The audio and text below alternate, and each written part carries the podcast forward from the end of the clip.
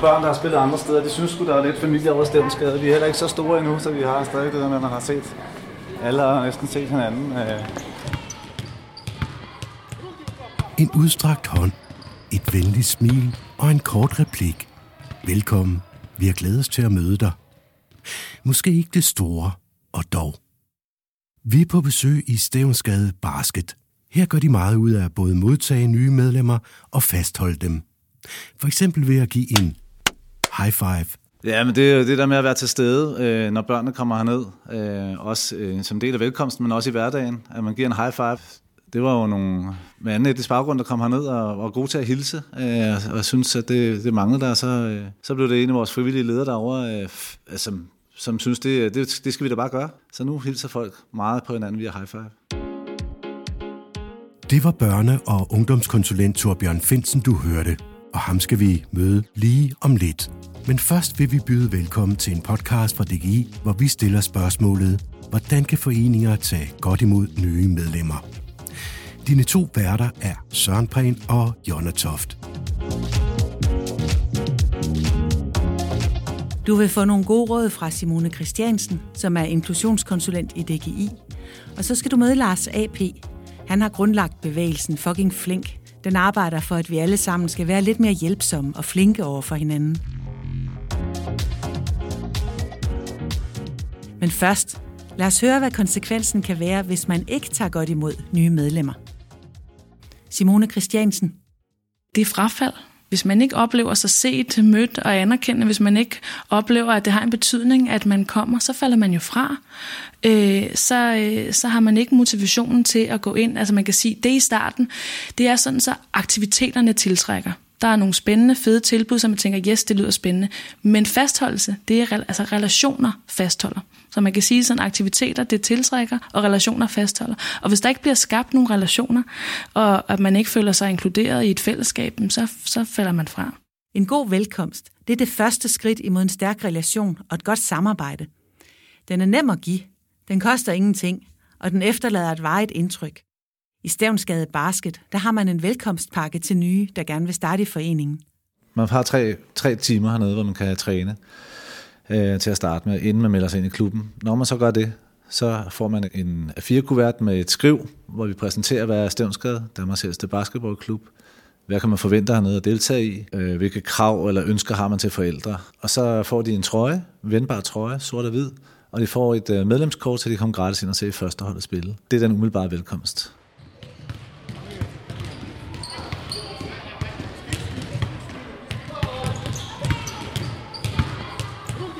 Det er jo en slags community building, altså vi søger jo ind at få, øh, få børnene øh, til at synes om at gå her. Det skal være spændende, og det er jo altid spændende, især som, som barn at få en gave, kan man sige. Men det er ikke nok i sig selv. Det kræver også, at der er nogle trænere, der er dygtige til at sige hej, velkommen, være lydhør og, øh, og kunne agere med de unge, når de kommer derned.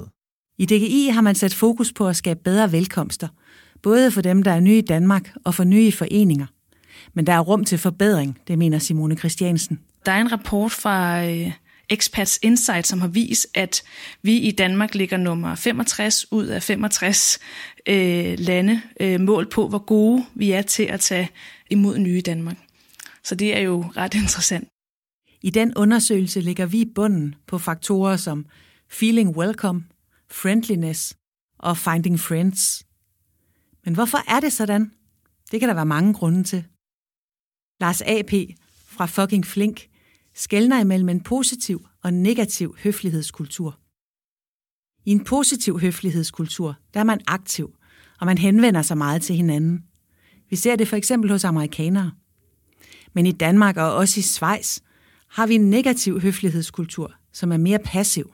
Den måde, vi er høflige over for hinanden på i negativ høflighedskultur, det er, at vi, at vi kan man sige, vi trækker os fra hinanden. Vi, vi, vi lader hinanden være i fred. Øhm, og det er jo i virkeligheden enormt opmærksomt. Man, man er opmærksom på hinanden sådan privatsfære og, og give hinanden fred. Det er nok nemmere at være hjælpsom, når man, når man gør brug af positiv høflighedskultur, for der, der er det helt naturligt, at man sådan griber ud efter andre mennesker. Hvorimod, når man gør brug af negativ høflighedskultur, jamen så, så vil man typisk holde sig for sig selv, og man vil også lade folk være i fred. Så når man sådan skal, skal man være hjælpsom eller invitere nye mennesker ind, så bliver det faktisk en lille smule vanskeligere. Man har ikke, man har ikke det, det samme arsenal eller det, den samme værktøjskasse til at, til at gøre brug af det. Så der skal man, der skal man næsten sådan, øh, ikke slå knuder på sig selv, men man skal gøre noget andet end det, der er naturligt for en. Og, og det er derfor, det måske i et vist tilfælde kan, kan virke vanskeligt for os danskere at være hjælpsomme over for nye, selvom vi faktisk er ekstremt hjælpsomme, og vi er ekstremt hjælpsomme over for naboen, over for øh, dem, vi kender, eller dem, som vi er i en forening med.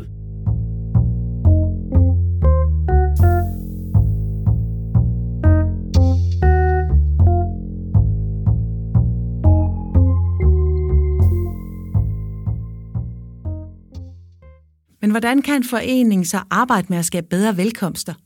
Simone Christiansen. Det vi ved, som har betydning, når man skal starte til noget nyt, det er graden af gennemsigtighed.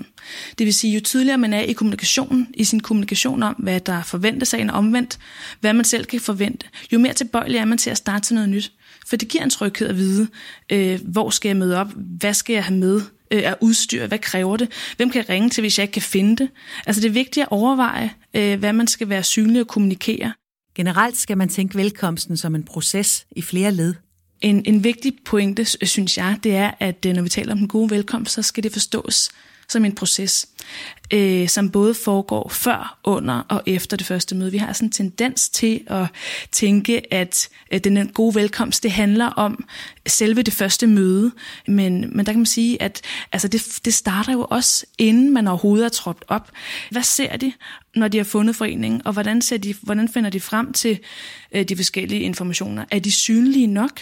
Der er en god øvelse i for foreninger at lave sådan en øvelse i, øh, hvor de skal tage et kig på deres hjemmeside og lade som om, at de kommer helt udefra. Øh, og de, ikke, altså, de forestiller sig, at de ikke har været en, en del af foreningen før. Er de motiveret for at tage det første skridt? Bliver man budt velkommen her? Det ud til at være et rart sted at være? Er I gode, drenge? Ja, det er vi Godt.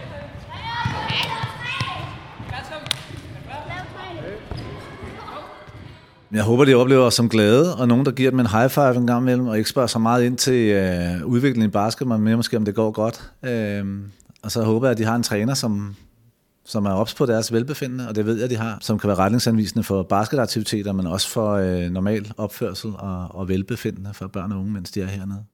Under de første træninger, der kan man som ny ramle ind i mange indforståede begreber og situationer – vi har et særligt ansvar for som øh, frivillig forening i foreninger at byde øh, og nedbryde det og synliggøre de øh, ritualer og traditioner, vi har. Og der, det kræver et særligt fokus. Øh, men når man har prøvet det, at stå der og være helt ny. Altså når jeg er ude og fortælle om det her, så bruger jeg et øh, eksempel, hvor jeg selv var startet til en, øh, en, en, en sport. Jeg startede til badminton. Så kommer jeg ned i hallen og øh, lige pludselig så hører jeg dem alle sammen råbe, så! Og øh, jeg føler mig virkelig øh, forkert. Jeg står der og tænker, hvad skal jeg gøre mig selv? Og øh, det føles meget ubehageligt. Jeg føler mig virkelig ekskluderet. Så viser det sig så, Øh, og jeg går der, og jeg har det mærkeligt med det. Øh, men, men jeg går med det for lang tid, for så spørger jeg til, hvad er det det der? Hvad, hvad betyder det? Så, så var det så fordi, at det er, det er et begreb, øh, stammer fra øh, Kina, som man bruger, når man øh, laver en særlig god finte. Og det var noget, de lige havde trænet, og så var det noget, de sådan lige brugte. Og der blev det meget øh, tydeligt, at der var jeg ligesom ikke en del af klubben. Altså, jeg var ikke en del af fællesskabet her. Så det er jo noget med for eksempel bare at komme og, og komme og fortælle, altså komme og, og synliggøre det lige til hånd om og, og vise mig til rette her, der bruger vi det, altså i tale sætte de der øh, ritualer, de har. Så det er helt ned til det er helt banale. At man, men det, det indebærer det her med, at man er en, en tydelig vært. Simone Christiansen giver det råd, at man udpeger nogen, der har et særligt ansvar for at tage sig af de nye. Det er jo sådan, at alle har et ansvar for at tage godt imod nye. Men det er en særlig god idé, at der er nogen, som har et særligt fokus på at hjælpe nye til rette. For eksempel ved at have en bodyordning. En bodyordning er sådan en ret øh, konkret idé til, hvordan man, øh, hvordan man kan have fokus på at hjælpe nye til rette. Det kan være på forskellige niveauer. På, på træningsniveau kan det handle om, at man giver øh, en et, et andet barn, den tildeler den den rolle, at nu skal du vise øh, den nye Oscar, han er lige startet til træning. Du har ansvaret for lige at vise ham rundt. Hvor er det omklædningsrummet er? Hvor er det, vi stiller os i kø, når vi venter på at komme ind på banen? Altså alle de der øh, ting, som jo sådan er indgroet og helt selvfølgeligt, som er nye, kan være meget forvirret omkring. Vigtigt, at, øh, at der er nogen, der hjælper til rette med.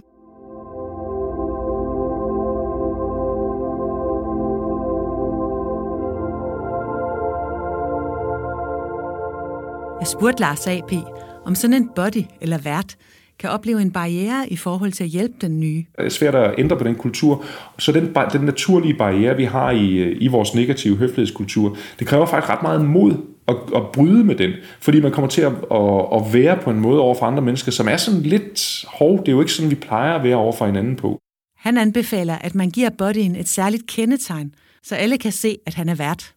Så når, når Torbjørn, øh, øh, han lige pludselig sådan, øh, skal henvende sig til de her nye, nye mennesker, som kommer til, til arrangementet her tirsdag aften i, øh, i foreningen, så begynder han lige pludselig at skulle tale til dem på en anden måde, end han kan tale til dig og mig, fordi vi kender ham jo, og vi, vi, er, vi, vi er her, og vi mødes jo hver tirsdag og torsdag og er til det her.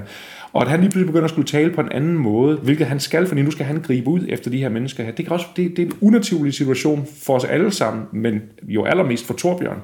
Og der, der kunne det måske være meget godt, at han, altså, hvis han så får en trøje på, hvor der står tutor, eller hvor der står, du ved, øh, guide, eller hvor der står, øh, jeg, jeg er her i hvert fald til sådan at være vært, eller for sådan, til at invitere dig ind, så giver det ham også, øh, så, så giver det ham mandat til også at opføre sig anderledes. Altså også i forhold til dig og mig, fordi vi vil jo netop sidde okay, hvorfor fanden snakker Torbjørn nu på den her måde her? Det, det, det, det der er underligt. I Stævnsgade Basket, der fungerer Torbjørn Finsen som en af værterne. Godt. Jeg går også meget ud af at være synlig i hallen. Ja, det er sejt. Det er sejt, Bare komme ned og sige hej til de forældre, der kigger på, og, og give en high five til nogle af spillerne, så de ved, hvem jeg er. Så der kommer sådan en, nogle gennemgangsfigurer hernede, så det ikke kun er deres træner, men de kan sige, at ham der, han er fra Stævnsgade. Øh, ham kan jeg altid spørge om et eller andet. Så øh, har du også mere lyst til at komme ned og lære, og giver det måske flere chancer, end du umiddelbart ville have gjort. Men også efter træningen skal man være opmærksom på det nye medlem. Altså, vi opfordrer til, at man faktisk sender en sms. Hej Alina, dejligt, du har været her til træning i dag. Vi håber at se dig igen. Og det behøver sådan set ikke at være mere. Men det er sådan en, øh, en markering af, øh, og anerkendelse af, det var dejligt, du var her, og vi håber, at du kommer igen. Altså, hvem havde ikke lyst til at, at komme igen med sådan en øh, sms der? Selvom vi er lidt tilbageholdende, og vi ikke vil forstyrre, så skal vi tage os sammen og henvende os til de nye. Det mener Lars A.P. I 99 ud af 100 gange, når vi har gjort det, så viser det sig efterfølgende jo at, være, at have været en mega god oplevelse, fordi folk vil det faktisk gerne. Vi vil faktisk gerne hinanden, og vi vil egentlig også gerne, kan man sige, gribes ud efter. Det er bare lidt unaturligt for os. En af de vigtigste faktorer for, at vi holder os raske og rørige og i live, det er faktisk, at vi har social interaktion med andre mennesker. Det vi får ud af at skabe kontakt til andre mennesker, og, og også til, til, til nye medlemmer her, det er faktisk det, der holder os i live. Altså det er faktisk det, der, der, der gør, at vi føler os socialt integreret, at vi føler, at vi, er, at vi kan være en del af noget. Og der er foreninger jo en ekstremt vigtig rolle i, at man netop føler sig integreret, man føler sig forenet om noget her. Men for at man holder sådan noget i live, så bliver man også nødt til kontinuerligt selvfølgelig at være god til at få flere med øh, ind i det her, så det ikke stagnerer med den øh, medlemskare, man, øh, man har.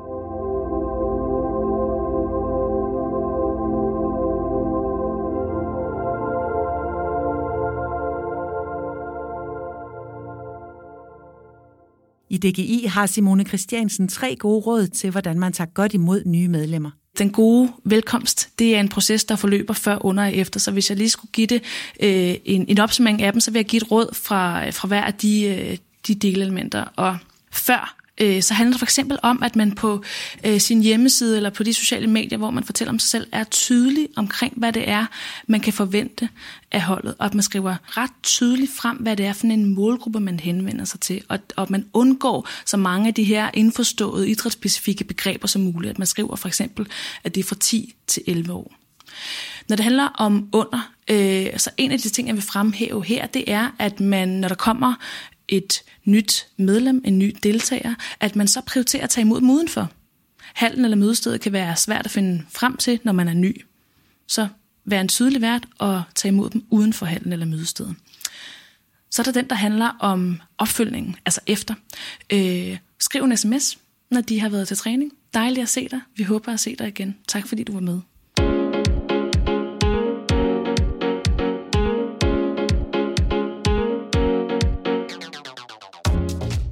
Og det samme vil vi sige tak, fordi du var med. For det var, hvad vi havde at byde på i denne podcast for DGI om, hvordan man kan tage godt imod nye medlemmer i foreningen. Du kan hente en lille opsummering af det gode råd, du hørte i udsendelsen på DGI's hjemmeside. Og hvis du vil høre mere om, hvordan foreninger kan få flere med, og måske også kan få flere frivillige, så lyt til DGI's podcast. Du finder dem på DG's hjemmeside og i diverse podcast-apps.